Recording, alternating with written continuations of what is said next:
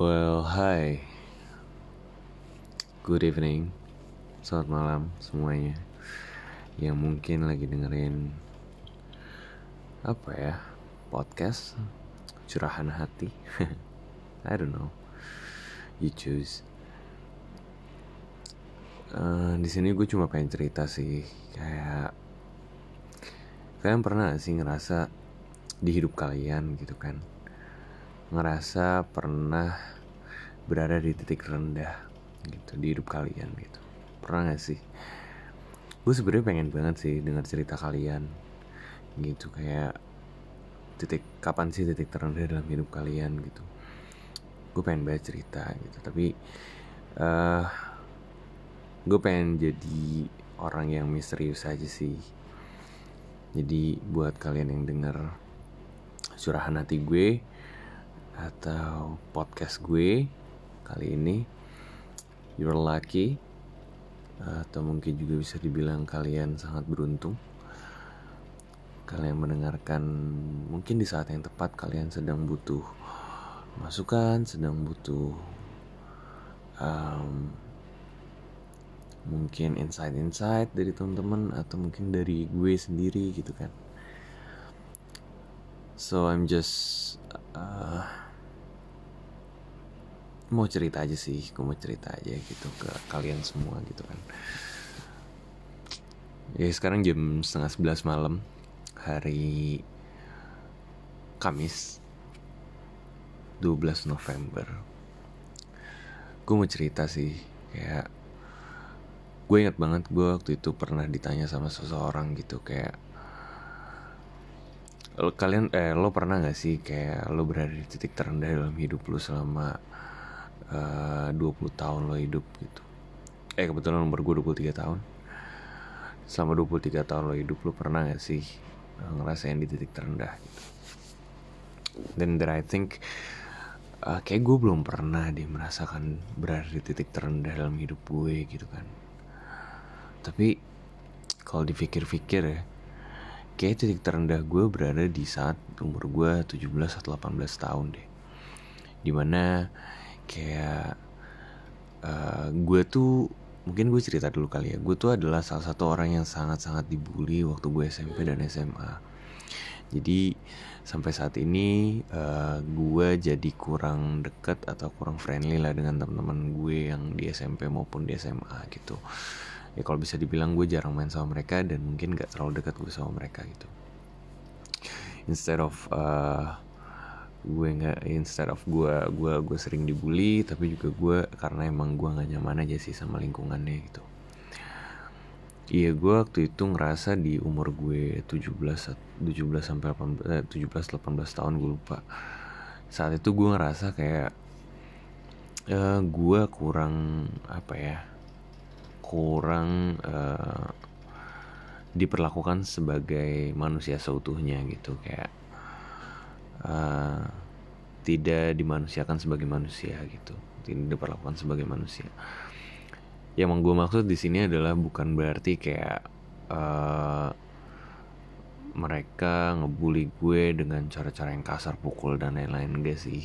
Iya ada beberapa sih. Cuma maksudnya nggak sampai sebegitu parahnya gitu. Gue ingat banget dulu waktu gue SMP gue uh, gue dapat banyak banget bulian ketika gue SMP memang mungkin lingkungan SMP gue yang kurang mendukung pada saat itu.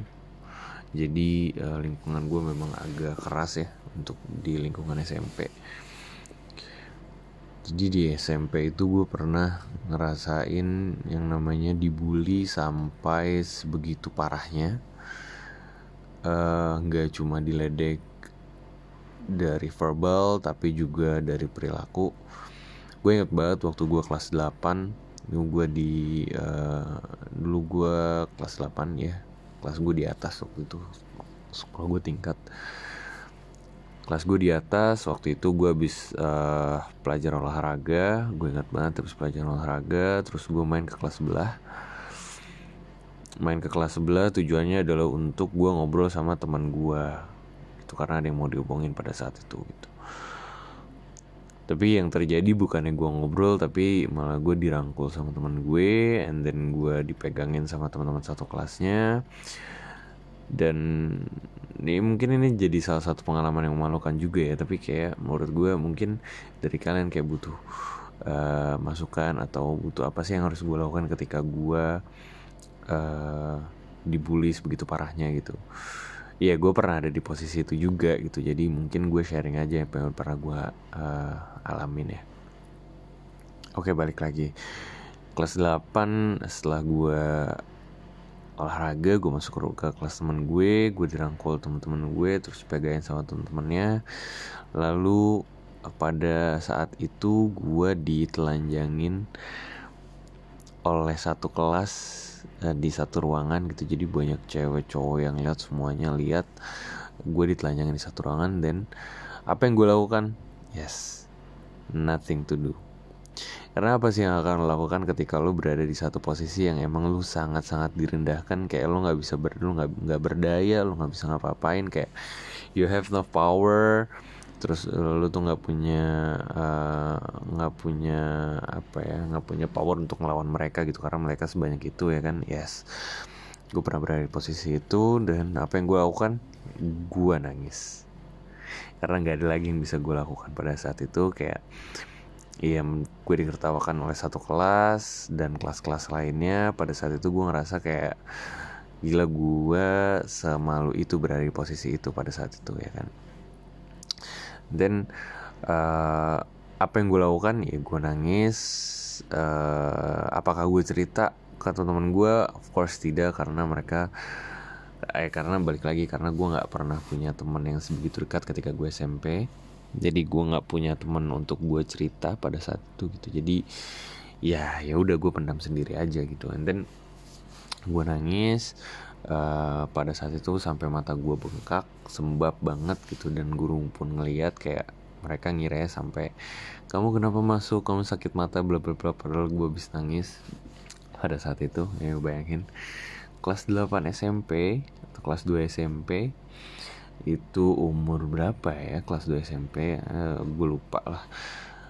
Gue lupa kelas 2 SMP tuh gue umur berapa iya ditelanjangin di satu kelas di mana kayak lo dibully habis-habisan pada saat itu gitu. Kayak iya mental breakdown pasti gitu. Kayak apakah gue melakukan hal yang salah pada saat itu? Apakah gue melakukan hal yang uh, membuat apa teman-teman gue sakit hati?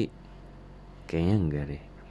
Gitu kayak uh, gue diajarkan dari keluarga gue yang selalu bersifat dan bersikap baik terhadap semua orang gitu. Jadi uh, buat gue bersifat dan bersikap baik semua orang itu akan uh, berujung baik ke gue juga dan ternyata tidak sama sekali gitu. So what's next gitu pada saat itu ya kan? Ya akhirnya gue memutuskan untuk diam saja gue nggak cerita ke guru gue nggak cerita ke orang tua gue juga. Jadi gue pendam sendiri pada saat itu rasa malunya rasa oh masih kerasa banget sampai sekarang rasa malunya rasa sedihnya rasa kecewanya sama teman-teman gue pada saat itu sampai akhirnya gue memutuskan kayak oke okay, gue nggak mau punya temen di SMP gue gitu. Karena gue ngerasa kayak fuck up dan kayak gue juga nggak terlalu uh, mikirin juga sih pada saat itu gitu. Dan selang waktu berlalu gue SMP kelas 3 SMP kelas 3 gue juga masih dibully masuk ke SMA di mana SMA gue juga orangnya ya dibilang lebih parah dari SMP enggak juga sih. Itu kayak ya lebih baik lebih baik lah di SMA gue gitu pada saat itu. Pada saat gue SMA bully by verbal sih kebanyakan gitu. Karena kan gue punya badan yang pada saat itu cukup gemuk keriting kayak kulitnya sawo matang kayak hitam-hitam gosong gitu. Jadi kayak I've been bullied a lot gitu sama orang-orang sama orang-orang ini sama teman-teman gue gitu. Kayak ketika gue pakai baju putih terus teman gue yang kayak meperin pakai habis makan yang berwarna-berwarna gitu gitu. Jadi baju gue merah nggak hilang. Dan wah banyak banget lah gue dijauhin sama teman-teman gue karena gue digosipin dan lain-lain. Yang menurut gue kayak gue nggak pernah melakukan hal itu karena gue cukup uh, gue merasa ya gue merasa gue cukup berperilaku baik sama mereka gitu sampai akhirnya kayak gue nggak tahu kenapa mereka bisa ngejauhin gue gitu sih. Sampai akhirnya di SMA itu ke mana-mana gue sendiri. Ya gue kantin sendiri gue ke koperasi sendiri jajan sendiri dan lain-lain. Jadi gue sendiri aja sih gitu punya teman beberapa tapi yang nggak terlalu dekat lah. Cuma kayak say hi and then uh, mungkin makan bareng atau ke kantin bareng atau ke koperasi bareng buat jajan beli minum dan lain-lain. Ya cuma sekedar itu aja. Habis itu udah selesai gitu. Mungkin gue pernah ngerasain punya temen atau sahabat. Hmm, mungkin gak sahabat juga kali ya teman dekat lah ya teman dekat uh, gue kenal dekat juga sama dia gitu. Kayak gue pernah suka sama uh, apa ya dibilangnya gue gue ngefans lah sama sama sama grup ini sama teman-teman gue gitu kan. Ya gue main sama mereka setiap minggu setiap mungkin setiap hari setiap hari libur dan lain-lain gue suka main sama mereka gitu. Tapi juga nggak um, deket-deket banget lah es nggak nggak nggak nggak sedekat kayak sahabat gitu lah. As a friend aja gitu kayak say hi makan bareng terus kayak nonton konser bareng dan lain-lain gitu lah. Dan selang berjalannya waktu saat itu uh, gue umur 17-18 tahun gue lulus gue lulus SMA itu kan ketika gue lulus SMA di situ gue baru ngerasa kayak uh, kan gue cukup lama lah ya dari UN sampai ke kuliah itu. Kebetulan gue kuliah di swasta. Jadi uh, gue daftar juga akhir-akhir lah ketika pendaftaran mau tutup gitu. Nah situ gue baru ngerasa kayak kok teman-teman gue banyak pada main sama teman-teman SMA-nya ya sedangkan gue tuh nggak pernah main sama teman-teman SMP atau SMA gue gitu kayak apakah separah ini hidup gue sampai gue merasa kayak gue nggak pernah punya teman di hidup gue gitu. Tapi makin ke sini gue makin ngerasa kan makin dewasa di umur 19 tahun gue kenal sama teman-teman di kuliah gue yang begitu baik begitu banyak uh, teman-teman gue yang suportif yang yang ngerti satu sama lain yang tidak menjatuhkan satu sama lain. Ada beberapa tapi tidak semua yang seperti itu. Jadi di situ gue mulai berkembang gue mulai belajar untuk menghargai pendapat untuk belajar uh, agar bisa apa melihat baik melihat sisi baik dari seseorang melihat positifnya dari seseorang. Di situ gue belajar. Sampai akhirnya gue ngerasa kayak oke okay, uh, eh, gue ternyata nggak punya teman di SMP dan di SMA ya ya bagus juga gitu. Maksudnya dalam hal kayak uh, mungkin mereka tidak membutuhkan gue dan gue juga tidak membutuhkan mereka gitu pada saat itu. Pada saat sekarang pun seperti itu gitu ya. Gue nggak pernah tahu lah kehidupan gue seperti sebenarnya ke, ke depannya seperti apa gitu. Cuma gue ngerasa kayak if the then ya, ya kalau mereka misalnya tidak butuh gue ya gue berasumsi juga gue tidak akan membutuhkan mereka gitu. Karena mereka tidak pernah ada di hidup gue atau di lingkungan gue gitu sering berjalannya waktu di umur 19 ke ya di umur 18 ke 19 gue kenalan sama orang. Eh, kebetulan gue kenal dari SMA juga cuma beda SMA sama gue waktu itu gue sempet les bimbel juga gitu. Gue kenal sama satu orang ini. Satu orang ini yang betul menurut gue sangat-sangat membantu hidup gue lah ya gitu. Kayak gue dikenalin ke orang-orang yang lebih senior gitu yang yang umurnya jauh di atas gue jauh banget gitu. Dari situ gue belajar kayak banyak banget sih gimana caranya lu uh, apa namanya bersikap sama seseorang, bersifat sama seseorang, terus bagaimana caranya lo membalas orang-orang yang dibully ini. Ini membalas bukan dalam hal bukan konotatif uh, negatif ya, tapi lebih ke positif gitu kayak lo tuh harus terima omongan orang dari segi apa pun lo akan lo harus terima jadikan itu motivasi diri lo gitu. Dan dan yang gue dapat dari mereka adalah kayak uh, apa namanya lu tuh nggak pernah bisa menyenangkan hati semua orang gitu. Jadi ya kalau emang lu bisa menyenangkan hati beberapa orang ya senangkanlah hati beberapa orang ini. Jangan dengarkan orang lain gitu. Nah situ gue belajar sih kayak ya uh, ngapain gue nyenengin semua orang sedangkan diri gue nggak happy gitu. Jadi gue uh, selalu mengedepankan apa kebahagiaan diri gue dulu baru kebahagiaan teman-teman gue gitu. So so yang yang gue maksud di sini adalah mungkin kalian yang denger denger eh, curhatan hati gue atau podcast gue kali ini kayak uh, pernah ngerasain ada di posisi gue gitu. Cuma gue mau pengen ngasih advice aja ke kalian gitu kayak jangan pernah dengerin kata-kata orang lain. Kayak ya you're you're foolish kayak lu tuh goblok lu tuh bego lu tuh uh, jelek lu tuh hitam lu tuh gendut lu tuh keriting and many more kata-kata kasar yang keluar dari mulut mereka. Satu kata buat lu semua jangan pernah peduliin kata-kata mereka. Jadi kan mungkin mungkin dari berapa dari kalian kayak mengalami mental breakdown kayak oh they're bullying me too hard sampai gue kayak ngerasa hidup gue sia-sia terus kayak uh, gue ngerasa kayak gue nggak patut hidup dan lain-lain. Hey banyak banget orang yang ngerasain yang kayak kalian termasuk gue pada saat ini gitu. Tapi uh, apa yang gue balas ke mereka adalah kayak gue tuh nggak butuh mereka untuk masa depan hidup gue yang gue butuh untuk masa depan hidup gue adalah diri gue sendiri dan koneksi gue ke depannya seperti apa gitu. So mereka tidak menentukan masa depan lo tapi lu sendiri yang akan menentukan masa depan lo seperti apa. Oke? Okay? jadi uh, buat kalian yang pernah ngerasain kayak uh, my life is so fuck up hey listen. Hidup lu tuh nggak sehancur itu bro. Hidup lu tuh nggak sehancur itu men hidup lu Tuhan itu baik bro. Tuhan itu baik. Lu hidup lu tuh nggak akan sehancur itu kalau emang lu berusaha. Percaya sama gue gue pernah berada di posisi itu dan akhirnya gue berusaha. So I built my own startup tanpa bantuan uh, dari teman-teman yang pernah ngebully gue gitu. Kayak gue jarang juga post di sosial media. Jadi gue berteman dengan orang-orang yang berkualitas hingga akhirnya menciptakan pola pikir gue yang berkualitas dan akhirnya menimbulkan sebuah ide yang uh, kreatif yang akhirnya bisa diimplementasikan di hidup gue ke depannya gitu. So yang menentukan hidup diri lo adalah diri lo sendiri gitu. Jadi jangan pernah dengerin kata-kata orang lain.